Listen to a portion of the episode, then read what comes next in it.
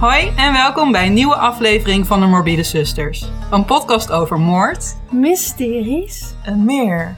Ik ben Evelien Ik ben Kelly. En ik ben Tessa. en samen zijn wij de Morbide Zusters. Vandaag wil ik het met jullie over een seriemoordenaar hebben.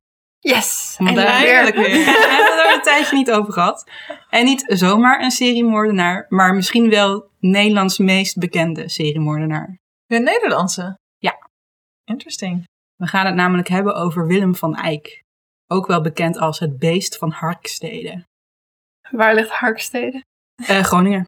Ja. Maar jullie kennen hem dus niet? Wanneer leer nou? Nee, ik ken niks. Ken je, dus jij kent hem niet? De naam zegt me iets, maar misschien dat ik zijn naam gewoon een keer heb gezien op een lijstje van Nederlandse seriemoordenaars of zo. Maar het verhaal zegt me nog niks. Nee, ik moet eerlijk zeggen dat ik ook minder bekend ben met de Nederlandse seriemoordenaars. En dat komt omdat wij er ook gewoon niet, gelukkig, niet heel erg veel hebben. Ik vind het een beetje klinken als een oude schilder. Willem van Eyck. Wat heb je daar in je kamer hangen? Ja, een echte Willem van Eyck. Ja, precies. Nou dat. De belangrijkste bron die ik voor deze aflevering heb gebruikt is de documentaire Het Beest van Harkstede uit 2019, geproduceerd door Videoland. Deze documentaire bestaat uit drie delen en gaat in op Willems leven en de moorden. Bij deze serie is journalist en schrijver Sietse van der Zee betrokken geweest en hij heeft eh, best wel een tijd lang nauw contact met Willem van Eyck gehad. Hij heeft dan ook een boek geschreven met dezelfde titel als de documentaire serie. En ik heb deze aflevering echt in december voorbereid, dus voor mij is het ook heel spannend. Oh. Naast de documentaire heb ik ook verschillende andere online bronnen geraadpleegd. Net zoals altijd kan je die vinden op de pagina van deze aflevering op onze website. Willem van Eyck werd op 13 augustus 1941 geboren in Korteraar, maar groeide op in het plaatsje Ter Aar in de gemeente Nieuwkoop in Zuid-Holland. Willem was het zesde en jongste kind en had vijf oudere broers. Hij heeft ook een klein zusje gehad, maar zij is helaas maar twee jaar oud geworden. Het verlies van haar dochter heeft Willems moeder veel pijn gedaan. En het heeft haar ook wel een, ja, een beetje misschien een tik gegeven, want zij heeft daarna Willem regelmatig geforceerd om meisjeskleding te dragen en heeft hem dan ook als een meisje behandeld. En dit hebben we een keer eerder gehoord in een Ja. aflevering van ons, namelijk bij Harry Phipps in de aflevering over de Beaumont kinderen. Zoals jullie weten heeft dit veel impact op de ontwikkeling van een kind. Daarnaast was Willems moeder sowieso niet bepaald een warm type, maar hield ze Willem wel altijd de hand boven het hoofd. Kortom, Willem werd behoorlijk verwend door haar. Waar mensen zich negatief uitlaten over Willems moeder, wordt zijn vader omschreven als een hardwerkende man die werkte als petroleumventer en fietsenmaker. Hij was daarnaast tevens hulpbruggenwachter. Nou, die was lekker druk bezig. Ja, wat is een petroleum venter, was het? Iemand die op straat of eh, deur tot deur gaat om Oh, te venter, ja. Willem zelf was een onhandelbaar kind die het niet goed deed op school. Hij kon namelijk niet zo goed leren. Hij had ontzettend veel moeite met taal en volgens sommige bronnen is hij altijd analfabeet gebleven, maar dat kan ik niet helemaal bevestigen. Al op jonge leeftijd begon Willem met stelen, eerst van zijn eigen familie, maar al snel ook van buren en dorpsgenoten. Qua persoonlijkheid wordt hij omschreven als een lastig en gewelddadig type. Hij wordt door zijn nicht omschreven als eng. Ze omschrijft hoe hij als kind al kikkers aan de waslijn hing om ze vervolgens met een buks eraf te schieten. Oh, Het is ook altijd eh, dat ze op jonge leeftijd al dingen... dieren. dieren, Ja. ja. Dan vind ik dit dan wel origineel. Wel Ja, echt kikkers aan de waslijn hangen. En, Viezig, maar ja. wel origineel. Wanneer zijn oom ging jagen, ging Willem mee om vervolgens een hond zogenaamd per ongeluk dood te schieten. Ook anderen claimen dat Willem behoorlijk vreed was naar dieren toe. Het schijnt dat hij als kind al honden en katten martelde. Zo heeft hij de hond van zijn buurman in brand gestoken nadat hij het beest had ondergegoten met petroleum. Best wel een behoorlijke actie voor Ja. een kind. Ja, het is niet, weet ik veel, pootjes uit de vlieg trekken, dat soort kleine Nee. dingen. Of eh, wat is het wel eens, Mieren- vogeltjes mieren- knijpen uit een nestje of zo. Maar Mieren branden met een eh vergrootglas. ja, nee, het is best wel Zout op dingen. zakken gooien. Toen Willem nog een kind was, slechts een jaar of zeven, omschreven zijn broers hem als het kwaad in persoon. Vrij heftige uitspraak Ja. over een kind van zeven. Deze omschrijving is vrij heftig, maar niet vreemd als je kijkt naar zijn gedrag richting dieren. Zoals jullie misschien al weten, zijn er zogenaamd drie indicatoren die erop zouden kunnen wijzen dat een kind opgroeit tot een seriemoordenaar of een ander soort gewelddadige crimineel.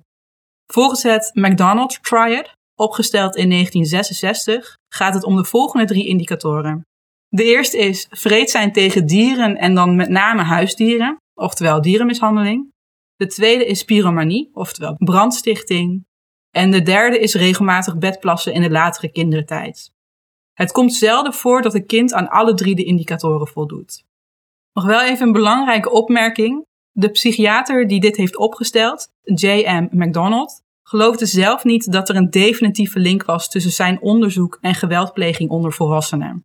Maar nog steeds wordt zijn triade erbij gehaald wanneer er wordt gekeken naar de jeugd van seriemoordenaars. Willem voldoet dus aan de eerste indicator, het mishandelen van dieren. McDonald geloofde dat het mishandelen van dieren voortkwam uit het verlangen van een kind om controle te krijgen over zijn of haar omgeving. Dit verlangen zou ontstaan doordat het kind door anderen wordt vernederd, met name volwassenen met gezag. Dit zorgt natuurlijk voor frustraties bij het kind, waardoor zij of hij deze frustraties wil loslaten op iets dat zwak en weerloos is, bijvoorbeeld een huisdier. En toen ik dit las, moest ik wel meteen eraan denken dat hij door zijn moeder als meisje Ja. werd behandeld. Er is in de loop der jaren aardig wat onderzoek gedaan naar de McDonald Triad en in hoeverre het klopt. Het komt erop neer dat de triade niet compleet afgeschreven hoeft te worden, maar dat het meer betrouwbaar is als indicator van of een kind verwaarloosd of mishandeld wordt. Dus dat een kind met een dysfunctionele thuissituatie te maken heeft. Maar is er dan ook een link gelegd tussen een kind met, dat een dysfunctionele thuissituatie heeft en seriemoordenaars? Of dat is de vraag. Als iemand nog onderzoek wil doen. Er zal vast onderzoek Ja. naar zijn ge- gedaan. Dus maar- wel altijd wat je ook standaard ziet eh, in films en series. Als kind kreeg Willem al de bijnaam Gekke Willempie. En deze bijnaam... Willempie. Ja, zo, zo lees ik hem wel. En deze bijnaam is lang blijven hangen. Ook toen hij volwassen was, werd hij nog zo genoemd. Hij had namelijk veel lef en was daarom ook niet bang. Daarnaast kwam hij altijd dreigend over. Hij dreigde dan ook met geweld om zijn zin te krijgen. Zo heeft hij bijvoorbeeld een granaat meegenomen naar een café en daarmee gedreigd om zo gratis bier te eisen. Oké. Wanneer hij ruzie had met iemand, dreigde hij om zijn geweer te halen.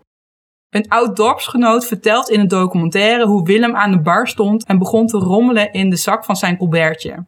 Plotseling haalde hij zijn geweer uit zijn zak en legde dit op de bar, om vervolgens weer verder te rommelen in zijn zak. Daarna pakte hij het geweer weer en stopte hij het terug in zijn zak. Het duurde dan ook niet lang voordat Willem met justitie te maken kreeg in verband met het plegen van diefstal en inbraken. In 1964 kreeg hij een strafblad en in 1966 verdween hij voor een paar maanden in de gevangenis. Op last van de rechtbank werd hij psychiatrisch onderzocht. En hierbij werd geconcludeerd dat hij agressief was met een gebrekkige intelligentie. Fair enough. Ja, Ja, dat is inderdaad fair wel- enough. Lijkt me niet heel verrassend. Ja, ik denk Nee. eerder Kel Surprise. Ja. Willem vertoonde dus al van jongs af aan opvallend gedrag. Dit gedrag werd overigens door anderen telkens afgedaan als iets dat gewoon was voor hem. Want hij was nu eenmaal gekke Willempie. Klinkt ook een beetje als Boys Will Be Boys als we het over toxic masculinity Ja. hebben. Ja. Gewoon goed praten. Ach joh. Ach, dat is Willempie maar. Gewoon. Niemand leek verder echt stil te staan bij hoe bizar zijn gedrag was. Daarnaast vertoonde Willem voornamelijk macho gedrag tegenover mannen, alsof hij wilde laten zien dat hij een echte man was. Ondanks zijn opvallende gedrag, of misschien wel dankzij zijn opvallende gedrag, was Willem eenzaam en voelde hij zich verstoten. Waar hij bij mannen stoer deed, was hij juist afstandelijk tegenover vrouwen. Het contact met vrouwen verliep dan ook moeizaam. Dit komt natuurlijk ook door zijn eigen gedrag, want vrouwen vonden hem simpelweg een engert. Toen hij begin twintig was, begon hij levendige dromen te krijgen over vrouwen, waarin hij vrouwen vernietigde door hun buik open te snijden. In audio-opnames van Peter R. de Vries is te horen dat Willem zegt dat hij de baas wilde zijn over de vrouw. Zij moest ondergeschikt zijn aan hem en dat kon voor hem maar niet ver genoeg gaan. In zijn eigen woorden, begeren, hebben en vernietigen. Klinkt als een eh, mooi motto. Wat een gast. Ja, het is toch niet wel echt... eh, ik heb wel nu een bepaald type in mijn hoofd. Ja. Ja. ja. Het begon dus met levendige dromen, maar al snel waren die niet meer genoeg. Willem wilde actie, hij wilde realiteit. Zijn gedrag escaleerde uiteindelijk toen hij op 20 juni 1971 zijn eerste slachtoffer oppikte. De 15-jarige Cora Mantel uit Uithoorn. Cora wordt omschreven als naïef en avontuurlijk. Maar dat is ook niet vreemd voor een 15-jarig meisje. Met vriendinnen ging ze wel eens liftend naar Amsterdam. Op 20 juni 1971 was Cora ook weer naar Amsterdam geweest om daar haar vriendje op te zoeken. Nadat ze uit waren geweest, heeft haar vriend haar naar de bushalte gebracht. Bij de bushalte kwamen ze erachter dat ze de laatste bus hadden gemist. Cora besloot daarom om vanaf Stadionplein al liftend naar huis te gaan, want daar had ze tenslotte ervaring mee. Helaas werd Cora opgepikt door Willem, die net bij een café in Amsterdam biertjes had gedronken. Het klinkt ook bijna als, dit kan niet anders dan misgaan. Overigens wel typisch dat hij met de auto is terwijl hij biertjes heeft gedronken. Destijds leefde Willem vooral op zichzelf en ging hij s'nachts op zoek naar vrouwen. Toen hij Cora liftend aan de kant van de weg zag staan, zag hij dit als een unieke kans. Jackpot. Hij nam Cora daarom mee en reed richting een polder, zodat ze ergens buitenaf zouden zijn. Nadat hij de auto stil had gezet, drong hij zich op aan haar, maar zij verzette zich. Vervolgens heeft hij Cora verkracht en haar daarna gewurgd met haar eigen sjaal. Hij heeft haar lichaam uren later in een sloot gedumpt. Willem heeft, en dat is echt jaren later toen hij de moord had bekend, ontkend dat hij Cora verkracht zou hebben, maar heeft later wel gezegd dat hij haar heeft eh, verkracht nadat ze dood was. Oh. En ik vond dat zelf opvallend omdat dat nergens later terugkomt, zulke claims. Want dat zou necrofilie zijn. Misschien minder strafbaar of zo? Ik denk dat. Het naakte lichaam van Cora werd de volgende dag gevonden, dus op 21 juni 1971. Na het vinden van haar lichaam heeft het ruim 10 uur geduurd voordat de politie haar kon identificeren. Dat is uiteindelijk gelukt dankzij een reparatiekenmerk dat in haar horloge stond gegraveerd. De politie ging meteen op zoek naar een mogelijke dader en een juwelier uit Alsmeer werd een tijdje verdacht. Dit kwam omdat Cora de ochtend van de moord zou beginnen met haar nieuwe baan bij deze juwelier. Cora's vader was bereid om 10.000 gulden aan beloningsgeld uit te delen aan degene met de gouden tip. En dit was bovenop de 15.000 gulden van de officier van justitie. Helaas heeft het niks opgeleverd, want de politie kwam maar niet verder in het onderzoek. Cora is op 25 juni 1971 begraven in Breukelen. Maar ik zit even te denken, want ze verdenken dan de juwelier omdat ze daar de dag daarna voor het eerst zou werken. Maar dan is het toch niet logisch dat de avond daarvoor er iets gebeurt. Dus hebben dan die ouders niet gemerkt dat ze niet thuis kwam? Ik snap wel dat eh, als daar een, een soort van afspraak stond, dat je dan naar die persoon heen gaat. ja, maar, niet heel logisch dat hij meteen verdacht is of zo. Ja, maar als je echt helemaal geen spoor verder hebt. Dan moet je iets... eh, ja. Oké. Doordat de politie niet verder kwam in het onderzoek, kon Willem rustig doorgaan met zijn leven. Een paar jaar na de moord op Cora slaat hij weer toe. Op 19 augustus 1974 zag Willem zijn tweede slachtoffer lopen. De 44-jarige verpleegster Aaltje van der Plaat uit Gorkum. Die is wel een stuk ouder dan het vorige slachtoffer. Nog Ja. geen type. Of misschien was vorige keer gewoon gelegenheid en dit keer meer een type. Of ook gewoon weer gelegenheid. Dat kan ook. Aaltje was samen met familieleden naar de kerk in Ter Aar geweest en besloot om na de dienst een stukje te wandelen. Ze liep toevallig langs de woonboot van Willem toen hij haar spotte vanaf zijn bovendek. Toen Willem haar zag, besloot hij toe te slaan. Hij pakte een mes, sprong op zijn brommer en ging achter Aaltje aan. Net als Cora heeft Aaltje zich ook verzet tegen Willem. Maar Willem heeft dit keer zijn echte droom waargemaakt. Hij heeft haar verkracht, gewurgd, haar keel doorgesneden, haar buik opengesneden en haar linkerborst eraf gesneden. Opvallend dus dat hij Cora niet heeft opengesneden, aangezien dit al langer zijn fantasie was. Experts denken dat dit komt omdat Cora zijn eerste slachtoffer was en dus zijn eerste moord. En misschien had hij ook de tools niet bij zich. Ja, en je ziet ook vaker bij seriemoordenaars dat de eerste moord qua uitvoering afwijkt van latere moorden. Ervaringen. Altjes zwaar toegetakelde naakte lichaam werd in een maisveld niet ver van Ter Aar vandaan gevonden. Ze zat onder diepe snijwonden en steekwonden. Bij de vondst van haar lichaam was Aaltjes gezicht compleet verkrampt. Niet vreemd als je bedenkt wat ze heeft moeten doorstaan. Meerdere mensen hebben Willem op de avond van de moord op zijn brommer zien rijden in de buurt van het plaatsdelict. De politie kwam daardoor Willem al snel op het spoor en de volgende dag werd hij gearresteerd. Na de arrestatie werd Willem uiteraard uitgebreid verhoord. Aanvankelijk liep het verhoor moeizaam, maar uiteindelijk heeft hij bekend. Niet alleen de moord op Aaltje, maar ook de moord op Cora. De politie had zelf al blijkbaar een link gelegd tussen de twee moorden en toen ze dit opbrachten tijdens het verhoor, bekende Willem. Waarschijnlijk in de hoop om zo een mildere straf opgelegd te krijgen. Willem kreeg eerst 20 jaar celstraf opgelegd, maar in hoger beroep werd dit 18 jaar plus TBR. En dat is een voorloper van TBS, ter beschikkingstelling. De reden dat geen levenslang werd gegeven is omdat beide moorden impulsief zouden zijn geweest. Als onderdeel van zijn straf werd Willem in 1975 opgenomen in de Van Mestdagkliniek in Groningen. Die ken ik wel. Ben je er geweest? Nee, maar ik, reed- ik fietste er wel altijd langs. En ik, Ah. eh, een, een medefilosoof die werkte daar volgens mij ook als... eh, dat ze mensen die daar zaten hielp met ook de ethiek van hun Oh, daden in te zien. Ja, heel dat is interessant. interessant. Hier worden mensen met een narcistische, antisociale en of paranoïde persoonlijkheidsstoornis behandeld. Dit zijn mensen die vallen onder de zwaarste categorie TBS'ers die het moeilijkst te behandelen zijn. De Van Mesdag kliniek is dus vergelijkbaar met het Broadmoor Hospital uit onze vorige aflevering over de zwijgende tweeling.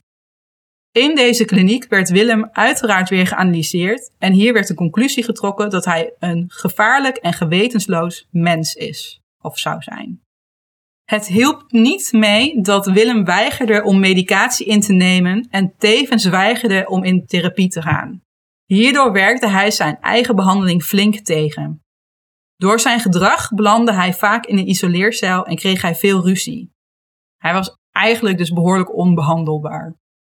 In 1979 mocht Willem voor het eerst met begeleid verlof. Iets wat wettelijk is geregeld en onderdeel is van de behandeling.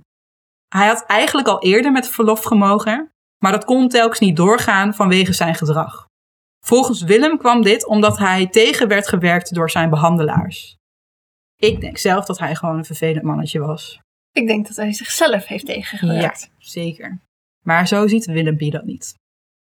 Desondanks mocht hij dus in 1979 eindelijk met verlof en is toen met een begeleider naar een seksclub geweest. nee. Ho- Hoezo? Wacht dit. Ja. In deze club is hij tegen de regels in met een animeermeisje mee naar boven gegaan. Een animeermeisje. Een sekswerker. Oh, to animate. Ik denk aan animeerfilmpjes, animatiefilmpjes. Als straf werd zijn begeleid verlof weer voor een bepaalde periode ingetrokken. Maar ik snap gewoon niet dat dit dan je eerste uitje mag zijn. Misschien dat hij dan een tijd opgesloten heeft gezeten. Ja. Dat ze denken, oh, hij mag wel even iets doen. Want anders doet hij het misschien zelf in een andere setting. Ja, om Een stoom af te blazen of of zo. zo. Ja. Nou ja, je hebt de linkerhand en je hebt de rechterhand. En het is de jaren zeventig. Misschien nog de tijd van de vrije liefde. In maart 1980 besloot Willem om een contactadvertentie te plaatsen in het Nieuwsblad van het Noorden. Nu wel genaamd het Dagblad van het Noorden. Willem mocht dan wel een beperkte intelligentie hebben, maar hij was niet dom. Hij wist dat een relatie goed zou ogen tegenover zijn behandelaars. In de advertentie schreef Willem dat hij een chauffeur was die veel in het buitenland zat. Al snel kwam er een reactie op zijn contactadvertentie. Adrie, een alleenstaande moeder van vijf kinderen, las de advertentie in de krant en zag een ontmoeting wel zitten.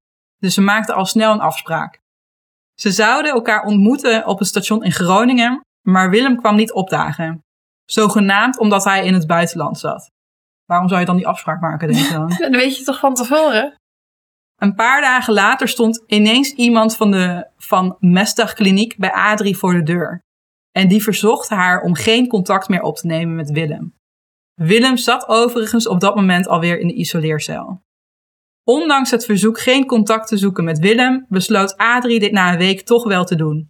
Hoe wanhopig ben je dan? Want er is je verteld dat hij in nou ja, niet zo gezellige kliniek zit. Vijf kinderen, hè? ik denk dat ze een broodwinner nodig had. Ja, Maar hoe kan hij brood winnen vanuit de Ja. kliniek? Naar eigen zeggen was dit omdat ze eigenwijs was. Kan ze, Oh nee, niet- dat verklaart het inderdaad allemaal. kan ze zichzelf niet ook meteen even inschrijven daar? Probleem opgelost. Ook wilde ze uit nieuwsgierigheid wel op bezoek komen. Tijdens dit bezoek heeft Willem haar verteld waarom hij in de kliniek zat. Ondanks dat ze hiervan schrok, heeft dit haar niet tegengehouden om toch weer contact met hem op te nemen. Natuurlijk. I thought I was bad at seeing red flags. Nee, dit is gewoon rode vlaggen keihard negeren. Die heeft ze Ja. echt wel gezien hoor. Hij heeft het toch wel vaak over gehad. Van die vrouwen die dan eh, ook naar gevangenissen schrijven. Ja. Omdat ze gewoon... Ja, dat was eigenlijk de vraag waarom eigenlijk. Maar Je hebt ook van die vrouwen die geilen gewoon op seriemoordenaars. Dat had ik jou toch ook, ook verteld een keer, zo'n serie. Adrie had het idee dat ze een nieuw leven met Willem moest opbouwen. En dit kwam Willem eigenlijk wel goed uit. Want door het hebben van een vrouw kon hij makkelijker de schijn ophouden dat hij kon functioneren in de maatschappij. In 1981 raakten ze verloofd en in 1982 zijn ze in de gevangenis getrouwd. Wat romantisch. Oh, dat is toch de droom van elk meisje? Adrie heeft overigens tegen haar familie gelogen over waar Willem voor vast zat. snap ik. Ja, dat snap, dat snap ik ook wel. Pap, ja. mam, moet je wat vertellen? Op 6 juni 1990 werd besloten dat Willem ontslagen mocht worden uit de kliniek en dat daarmee zijn TBS opgeheven zou worden. Wat toch TBR? Ja, maar inmiddels is de TBS in 1988 is aangepast. Oh, oké. In een rapport werd geconcludeerd dat na jaren van worstelen zijn problematiek niet was behandeld en dat hij een antisociale persoonlijkheid met psychotische kern zou hebben. Er werd erkend dat hij zich gedurende zijn verblijf altijd heeft verzet tegen zijn behandeling. Daardoor zouden zijn trauma's uit de vroege jeugd niet zijn verwerkt.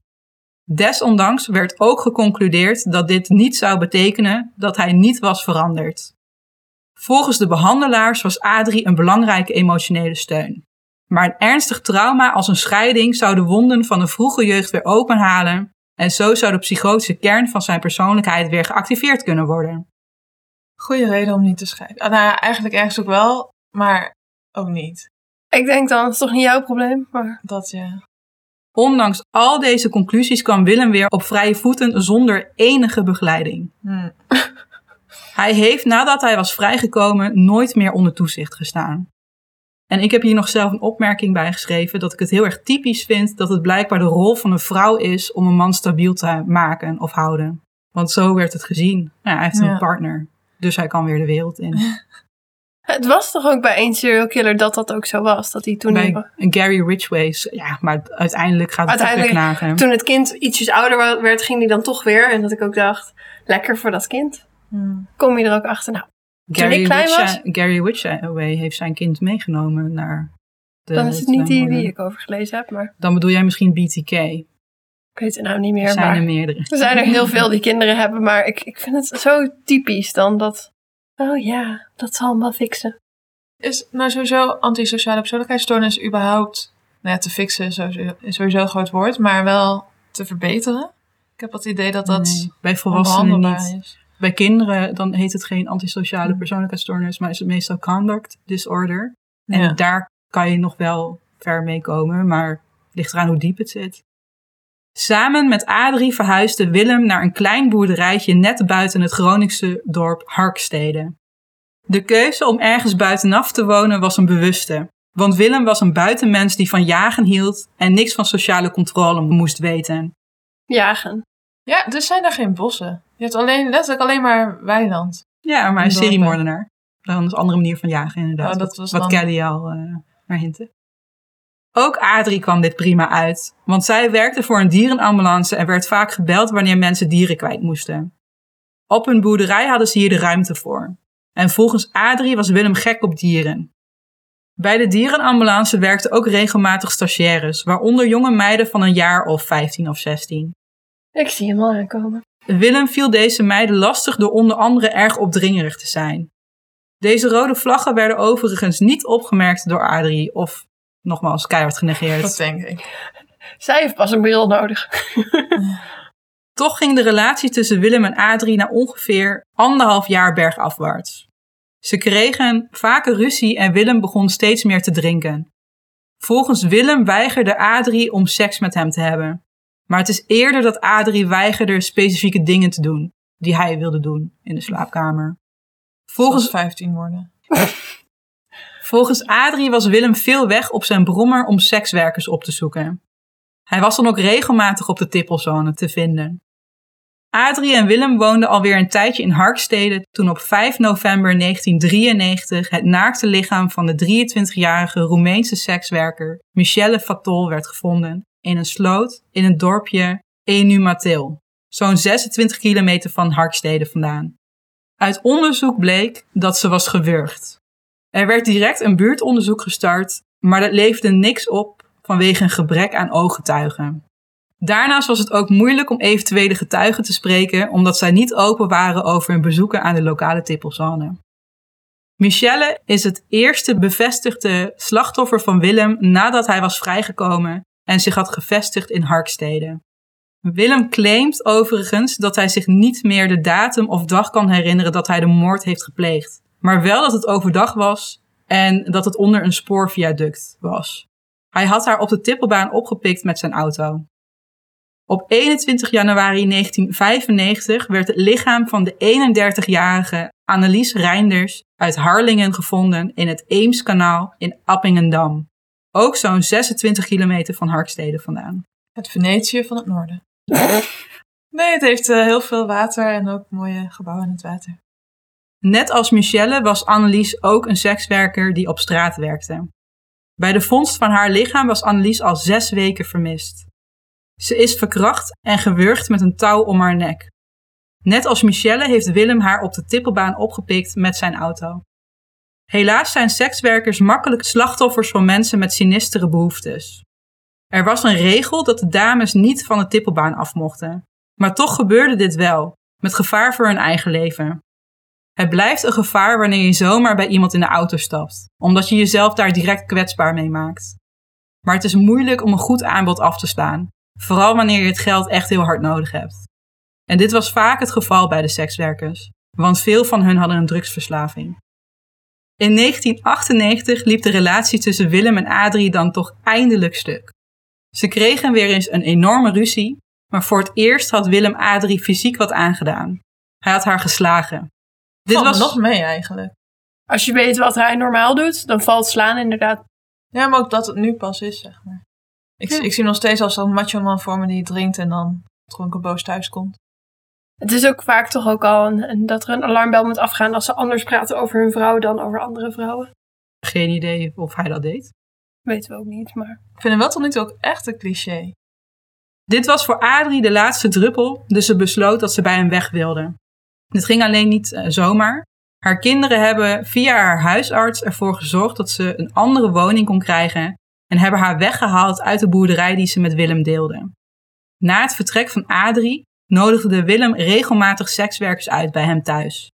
Hij was vanwege het vele drinken zijn rijbewijs en auto kwijtgeraakt. Dus hij had alleen nog zijn brommer. Maar met een brommer kan je niet bepaald goed sekswerkers oppikken op de tippelzone. In GTA kan dat ook niet. Een brommer of een motor zit. Dus in plaats daarvan belde hij hen op en liet hij hen naar zijn boerderij komen. Op 17 juli 2001, echt uh, wel wat jaren ja. later, werd het naakte lichaam van de 34-jarige sekswerker Sascha Schenker gevonden in het Slochterdiep, niet ver van Harkstede vandaan. Ze was toen al een week vermist. Het laatste wat bekend was, is dat ze een scooter had geleend en vervolgens niet meer is gezien. Er kwamen veel tips binnen over de mogelijke dader en er waren ook veel geruchten en roddels. Willem was een vaste klant van Sascha en zij is op zijn verzoek naar zijn huis gegaan. Willem claimt dat Sascha een paar uur bij hem thuis op de bank heeft geslapen. Hij zou haar wakker hebben gemaakt en hebben gevraagd of ze niet naar werk moest. En dan denk ik. maar dat, is, toch werk? Dat is het toch? Ja. Vervolgens heeft hij haar ineens in een opwelling met een bierflesje op haar hoofd geslagen. Hij claimt dat hij in paniek raakte en haar met zijn handen heeft gewurgd. Haar begrafenis was heel erg druk bezocht. Dat vind ik dan wel mooi. Mhm. Maar uh, met haar dood werd haar zoontje zijn moeder ontnomen. Hmm. Ze had een jong zoontje. Oh. Sascha was de vierde vermoorde sekswerker die in het water is gevonden waarvan de dader ontbrak. Gek genoeg dacht de Groningse politie niet dat het om een seriemoordenaar zou gaan, maar zij zagen het als losse incidenten. Gewoon allemaal criminaliteit, één pot nat. Door met sekswerkers te praten kwam een boerderijtje in Harkstede in beeld waar sekswerkers regelmatig heen gingen. Sekswerkers claimden dat ze de persoon die daar woonde altijd konden bellen als er geld nodig was, want dan kon er wel wat geregeld worden. Willems geschiedenis was al wel bekend bij de politie, dus ze hadden hem al vrij snel in het vizier. Uit telefoongesprekken bleek dat Sascha de avond voordat zij vermist raakte bij Willem thuis was geweest. Naar aanleiding hiervan is Willem als getuige uitgenodigd door de politie, maar hij ontkende wat met haar dood te maken te hebben gehad. Hij werd ook niet als verdachte gezien, omdat hij niet de persoon was die Sascha als een van de laatste had gebeld. Hij is twee uur lang door de politie ondervraagd, maar mocht daarna weer vertrekken. Nadat Sascha in het Slochterdiep was gevonden, besloot de politie hier te gaan duiken. Dit leverde de vondst van een kledingstuk in een plastic tas op. Dus uiteraard werd er weer verder gedoken en verder gezocht. Uiteindelijk werden drie zakken vol kleding gevonden, verzwaard met keien. In één zak zat de kleding van Sascha en het vermoeden is dat de kleding in de andere zakken van Michelle en Annelies zijn geweest. Het enige huis in de omgeving waar de zakken met kleding werd gevonden was het huis van Willem. Dat klinkt ook wel heel dom, dat je dan... Maar Oh, er zat ook een afwerkplek in de buurt. Weet je wat een afwerkplek is? nee. Het is een eh, ja, soort van waar je, je sekswerkers ontmoet. Dus het kan zijn dat, snap je, als ze daar zouden zijn opgepikt, dan kun je denken Ja, dat iemand daar gewoon langs is gegaan en daar is gedumpt. Dus de connectie was nog niet helemaal Het is gemaakt. wel ook een beetje cru, die naam. Afwerkplek. Ja. Ik moest het echt serieus googlen. Ik dacht dat het iets met eh, industrie of zo te maken ja, zou dat hebben. dacht ik ook. Maar het is dus om Maar het is eh, dus- vrouwen af te ja. werken. Ja. Nou, ik had mannen echt- achterwerk. Ik had echt een ander eh, beeld eh, erbij. ja. Dus de connectie was nog niet helemaal gemaakt. Meerdere behandelaars die Willem in het verleden hebben behandeld, hebben de Groningse politie getipt dat Willem verantwoordelijk zou kunnen zijn voor de moorden. Maar hij stond bij de politie bekend als een snijer en niet een wurger. Toch besloot de politie om naar Ter Aar te gaan om zich meer te verdiepen in de moorden op Cora en Aaltje. Toen ze erachter kwamen dat Cora's doodsoorzaak wurging was, begon eindelijk een lampje te branden. De link werd pas echt gelegd toen bleek dat Cora's en Aaltjes kleding in de buurt van zijn woonboot in het water zijn gevonden in zakken die waren verzwaard met keien. Op 12 november 2001 werd Willem eindelijk opgepakt. Hij werd uiteraard geïnterviewd, maar er werd natuurlijk ook doorgezocht naar hard bewijsmateriaal.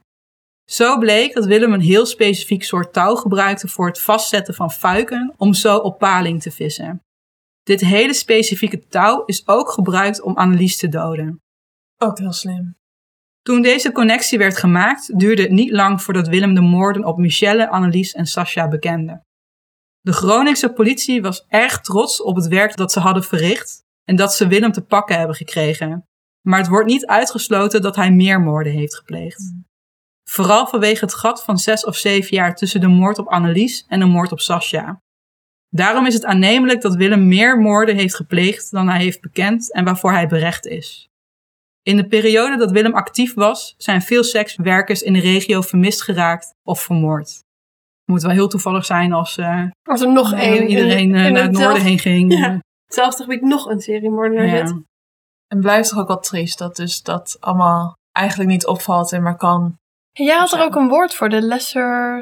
Oh, lesser dead. Ja. In, bij uh, Last Podcast on the Left refereren ze naar sekswerkers op die manier. En dan vooral niet-witte sekswerkers.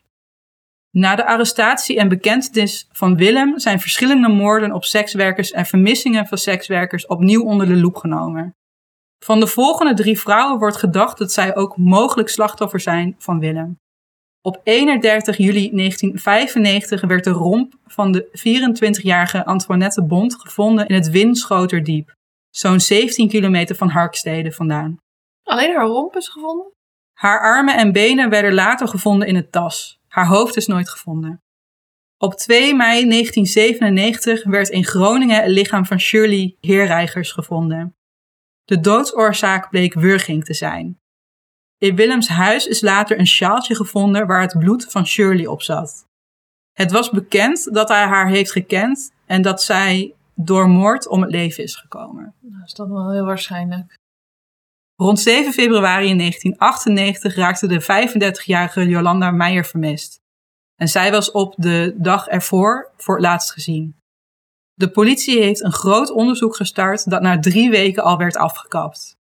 De ouders van Jolanda lieten het er niet bij zitten en gingen zelf op pad om straatwerkers te spreken in Friesland, Groningen en zelfs in Duitsland.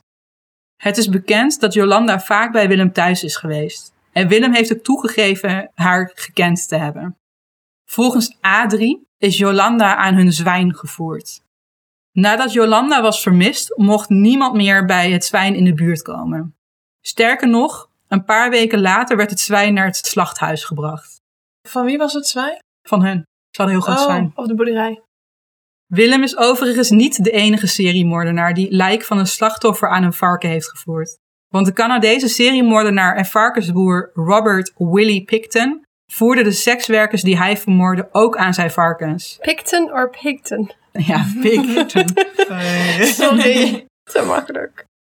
Varkens zijn dan ook echte alleseters en worden daarom vaker gebruikt om van lijken af te komen. In 2003 is er weer zeer grondig onderzoek gedaan in het eh, boerderijtje van Willem en op zijn erf, op zoek naar DNA, uiteraard. Helaas werd er op het sjaaltje met Shirley's bloed na niks gevonden wat Willem linkte aan mogelijke andere slachtoffers. Willem heeft nooit meer moorden bekend dan de in totaal vijf waar hij voor berecht is. Hij heeft verder ook nooit willen praten over zijn motief voor de moorden. Hij bleef claimen dat het telkens in een opwelling gebeurde. Zo makkelijk, ja. Er kwam ja. iets over me heen en Het kan nog steeds ook wel zo zijn, maar als je weet dat je zo bent, dan neem je maatregelen. Eens. Of nou ja, dat is misschien weer te makkelijk gezegd, maar wel. nou ja, als jij weet dat jij zo reageert, moet je jezelf Ja. niet in zo'n situatie Nee. plaatsen. Willem legde de schuld dan ook altijd bij anderen neer of in ieder geval buiten zichzelf om. Zo had hij een zware jeugd gehad, was hij gepest, raakte hij ineens in opwelling. Ondanks dat hij zichzelf nooit de schuld gaf, heeft hij tijdens een verhoor gezegd dat hij zich tijdens een moord had beseft dat hij moest doordrukken omdat het slachtoffer anders naar de politie zou gaan. Deze uitspraak heeft ervoor gezorgd dat hij voor moord berecht kon worden. Ja, als jij zo'n besef krijgt. Ja. Het laat namelijk zien dat hij heeft nagedacht over de consequenties van zijn daad en er toch mee door is gegaan. Dus het is niet met voorbedachte raden, maar wel moord. Op 7 november 2002 veroordeelde de rechtbank te Groningen Willem tot een levenslange gevangenisstraf. Hadden ze eerder moeten doen. In de gevangenis bleef hij voor problemen zorgen. Hij was namelijk uiteraard nog steeds onhandelbaar. Zodoende is hij meerdere keren overgeplaatst naar andere gevangenissen. In 2019 werd hij weer vanwege ernstige gedragsproblemen overgeplaatst en zo belandde hij in Vught. Hier is hij op 19 juni 2019 overleden. En het OM wil nog steeds geen uitspraak doen over de doodsoorzaak. Eigenlijk, I don't care, is gewoon... Ja, is gewoon, ik denk dat het gewoon ouderdom is. Misschien was hij wel de eerste wel coronavirus. Redelijk oud. Conspiracy Oh, theory. wel mee. Ja, nee, wel redelijk oud. Ik heb nog een paar opvallende weetjes. Het schijnt dat Willem bij zijn geboorte zuurstofgebrek heeft gehad vanwege de moeilijke bevalling. Dit kan hebben geleid tot hersenbeschadiging. Het schijnt dat Willem op tienjarige leeftijd een hersenschudding heeft opgelopen, waar hij jarenlang zware hoofdpijn aan over heeft gehouden. Hier moet ik wel even op aanhaken, want het is wel een dingetje wat heel vaak terugkomt Ja, bij zware- hersenbeschadiging. ja, eh, traumatic brain injuries. Ja. Ja. Dat hoor je vaker. Na de vondst van zowel Aaltje als Sascha heeft Willem de uitspraak gedaan dat de dader van de moorden wat aangedaan moest worden. Na de vondst van Aaltje heeft hij deze uitspraak gedaan tegenover dorpsgenoten in Ter Aar en na de vondst van Sascha tegenover zijn buren in Harkstede. En er wordt uitgelegd dat hij echt heel erg overdreven. Ja, ze moeten wat doen en bla bla. Ja, Een soort van zijn manier om te doen alsof hij onschuldig is. of heel erg betrokken was bij het. Ja. Dit was het verhaal over Willem van Eyck, oftewel het beest van Harkstede. Jullie hadden er nog niet van gehoord, maar ik ben nu best wel benieuwd naar jullie reacties. Ik vind ergens, moet ik voorzichtig formuleren, niet mooi, maar wel interessant te zien dat we ook echt zo'n typische seriemoordenaar hebben. Met dan die brain injury, met eh vernederd worden door zijn moeder, met die dieren, eh, met sekswerkers. Is wel echt eh Heel Amerikaans. alle boxes. Alle- ja, we kunnen alles afvinken. Ja, het is- dat heeft hij. Het is echt een hele Amerikaanse zaak, bijna, maar dan Ja, in, in in Nederland. Groningen. Ik vind het ook wel interessant, die laatste in de tijdlijn. Toen leefden wij gewoon al. Je hoort heel vaak, weet je al, de meeste serial Mm. killers waren actief tijdens de jaren zeventig. werden, worden van vaak genoemd. Maar deze man was gewoon actief toen wij Ja. al leefden. Hij is pas twee jaar geleden overleden. Ja, dat vind ik ook echt bizar. Wel weer heel duidelijk falen, toch, van de politie. Dat Ja. ze gewoon, Ja. ja, losse incidenten. Ja, het Maar wel- ze waren dan trots op, maar ik denk de enige reden... Dus Komt- het was gewoon Maar ook gewoon domheid. Zorg Dat ze hem zonder pakken. begeleiding hebben laten gaan. Dat je ook denkt, ja, dat is gewoon waarom het weer misging. Ik blijf het ook bijzonder vinden dat hij werd vrijgelaten omdat hij een relatie had Ja. met een vrouw. Adrie trouwens, die zit in de documentaire reeks. Ik raad hem echt aan om te kijken, maar die vrouw is ook niet helemaal goed hoor. Maar ze wist ook, ook al wat voor iemand het Ja. was. Dus dan vind je het sowieso al niet erg genoeg om... Of je moet echt denken dat iemand helemaal kan veranderen. Maar dat... Nee joh, Nee. nee. Nee. Hoe zij ook praat in de documentaire, is, het is echt maanden geleden hoor dat ik dit heb gezien. Maar ik vond het best interessant, want Lijkt mij fascinerend om zo iemand te zien. zij is ook iemand die heel erg van. Wat hij ook heel erg deed. Van ja, het is buiten mijn schuld om. Zo'n houding had zij ook een klein beetje. Dat ik denk, ja, dat moet ook wel. Want anders kan je toch ook niet met zo iemand samen zijn. Nee. Want zij is. Ik bedoel, niet, zij heeft niet eh, meegedaan aan eh, dit alles. Mogen duidelijk zijn, maar er is toch wel een paar opvallende keuzes die zij heeft gemaakt. Ik denk dat het menselijk brein, het moet haast ook wel zo werken dat je gewoon voor jezelf maak je het dan, eh, praat je het eigenlijk goed of verzin je redenen of Je moet het wel afsluiten van Ja. jezelf, anders kun je niet in die relatie blijven. Nee. Maar het feit dat zij doorging, helemaal aan het begin met contact, of- omdat ze wel nieuwsgierig was, of dat ze Ja, eigenwijs dat was. Dat, dat, ja, dat- precies. Dan weet je haar hele karakter, denk ik al wel. Dus dit verhaal is. ehm, ik wist er ook nog niet heel erg veel van toen ik begon met eh, die documentaires vooral te kijken en al die artikelen te lezen. En, maar bij elk ding wat jij net ook al zei, Tessa, het is zo dat ik dacht, ja, en nu gebeurt dit. Ja. De reden dat er dus heel veel bekend is over deze zaak komt trouwens vooral door eh, journalist en schrijver Sietse van der Zee. En hij omschrijft eh, Willem van Eyck echt, echt als een eh, een stereotype psychopaat. Nee, antisociale perso- Pff. Antisociale persoonlijkheidsstoornis. Dat ja. Dat heet tegenwoordig Ja. zo. Maar om eh Sietse van der Zee te quoten. Toen heette ze het nog niet zo. Ik blijf het wel heel vreemd vinden dat hij toen vrij is gelaten. Ook omdat het een ehm, impulsieve daden zijn geweest. Maar is dat dan juist ook niet een reden om hem niet vrij te laten? Ja, zeker omdat hij het vaker doet. Kijk, als het één keer impulsief gebeurt. Maar dat is dan misschien weer dat dat eh onderscheid dat hij niet heel bewust voor kiest, maar het hem overkomt of zo. En daardoor is hij Ja, maar misschien dan minder wil je slecht en dan... Ja, maar daarom wil je toch juist van. Want dan is het minder voorspelbaar. Iemand die heel voorspelbaar is, dan zou je ervan zeggen, nou, dan kun je de voorspellende factoren weghouden. En dan. Kun je met therapie misschien meer mee? Ja. Luister je naar onze podcast en vind je ons tof? Geef ons dan een 5 sterren rating in de podcast app waarin je luistert. Of nog beter, laat een review achter. Daar help je ons echt heel erg mee en natuurlijk ook, of nog meer zelfs, door ons aan te bevelen aan anderen. Wij zijn ook te vinden op social media. Wij hebben Instagram, Facebook en Twitter. Op Instagram en Facebook heten wij De Morbide Zusters. En op Twitter Morbide Zusters. Verder hebben we een website www.demorbidezusters.nl en hier kan je voor elke aflevering het script en de bijhorende bronnenlijst vinden. En ik wil meteen even iedereen de documentaire die ik heb bekeken voor deze aflevering aanraden. En die staat op Videoland. Dit waren de Morbide Zusters. Tot, de volgende keer. Mooi.